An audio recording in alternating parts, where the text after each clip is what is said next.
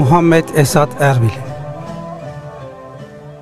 Mektubat 108. Mektup Müminler kenetlenmiş duvar gibidir.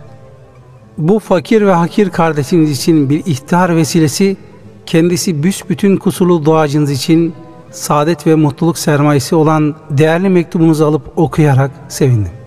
Memnun oldum. İlahi siz de memnun olup sevinesiniz.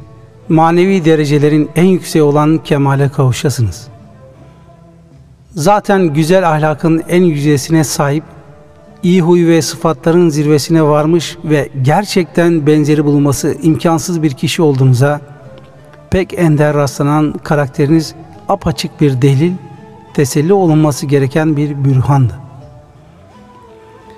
Bu defada Cenab-ı Hakk'ın ezeli kabiliyeti yaver, sonsuz yardımı beraber olduğu halde nurun ala nur kabilinden Yüce Bahayiye tarikatı ile gönül gözlerini nurlandırıp, göz kapaklarını sükunete erdirme konusundaki teşebbüs ve tarikata intisap etmeniz ayrıca bir sevinç ve memnuniyet vesilesi olmuştur.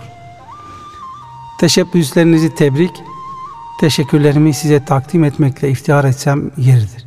Çünkü Hz. Peygamber sallallahu aleyhi ve sellem bir mümin diğer bir mümin kardeş için birbirleriyle kenetlenen tuğlalar gibidir.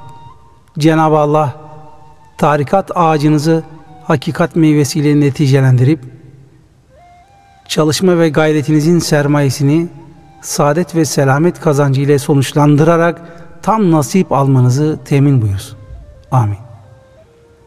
Yüce tarikatımızın esaslarının Yekta Efendi tarafından bütünüyle açıklandığına olan güvenim tamdır. Bu konuda sözü fazla uzatmaya lüzum görmem.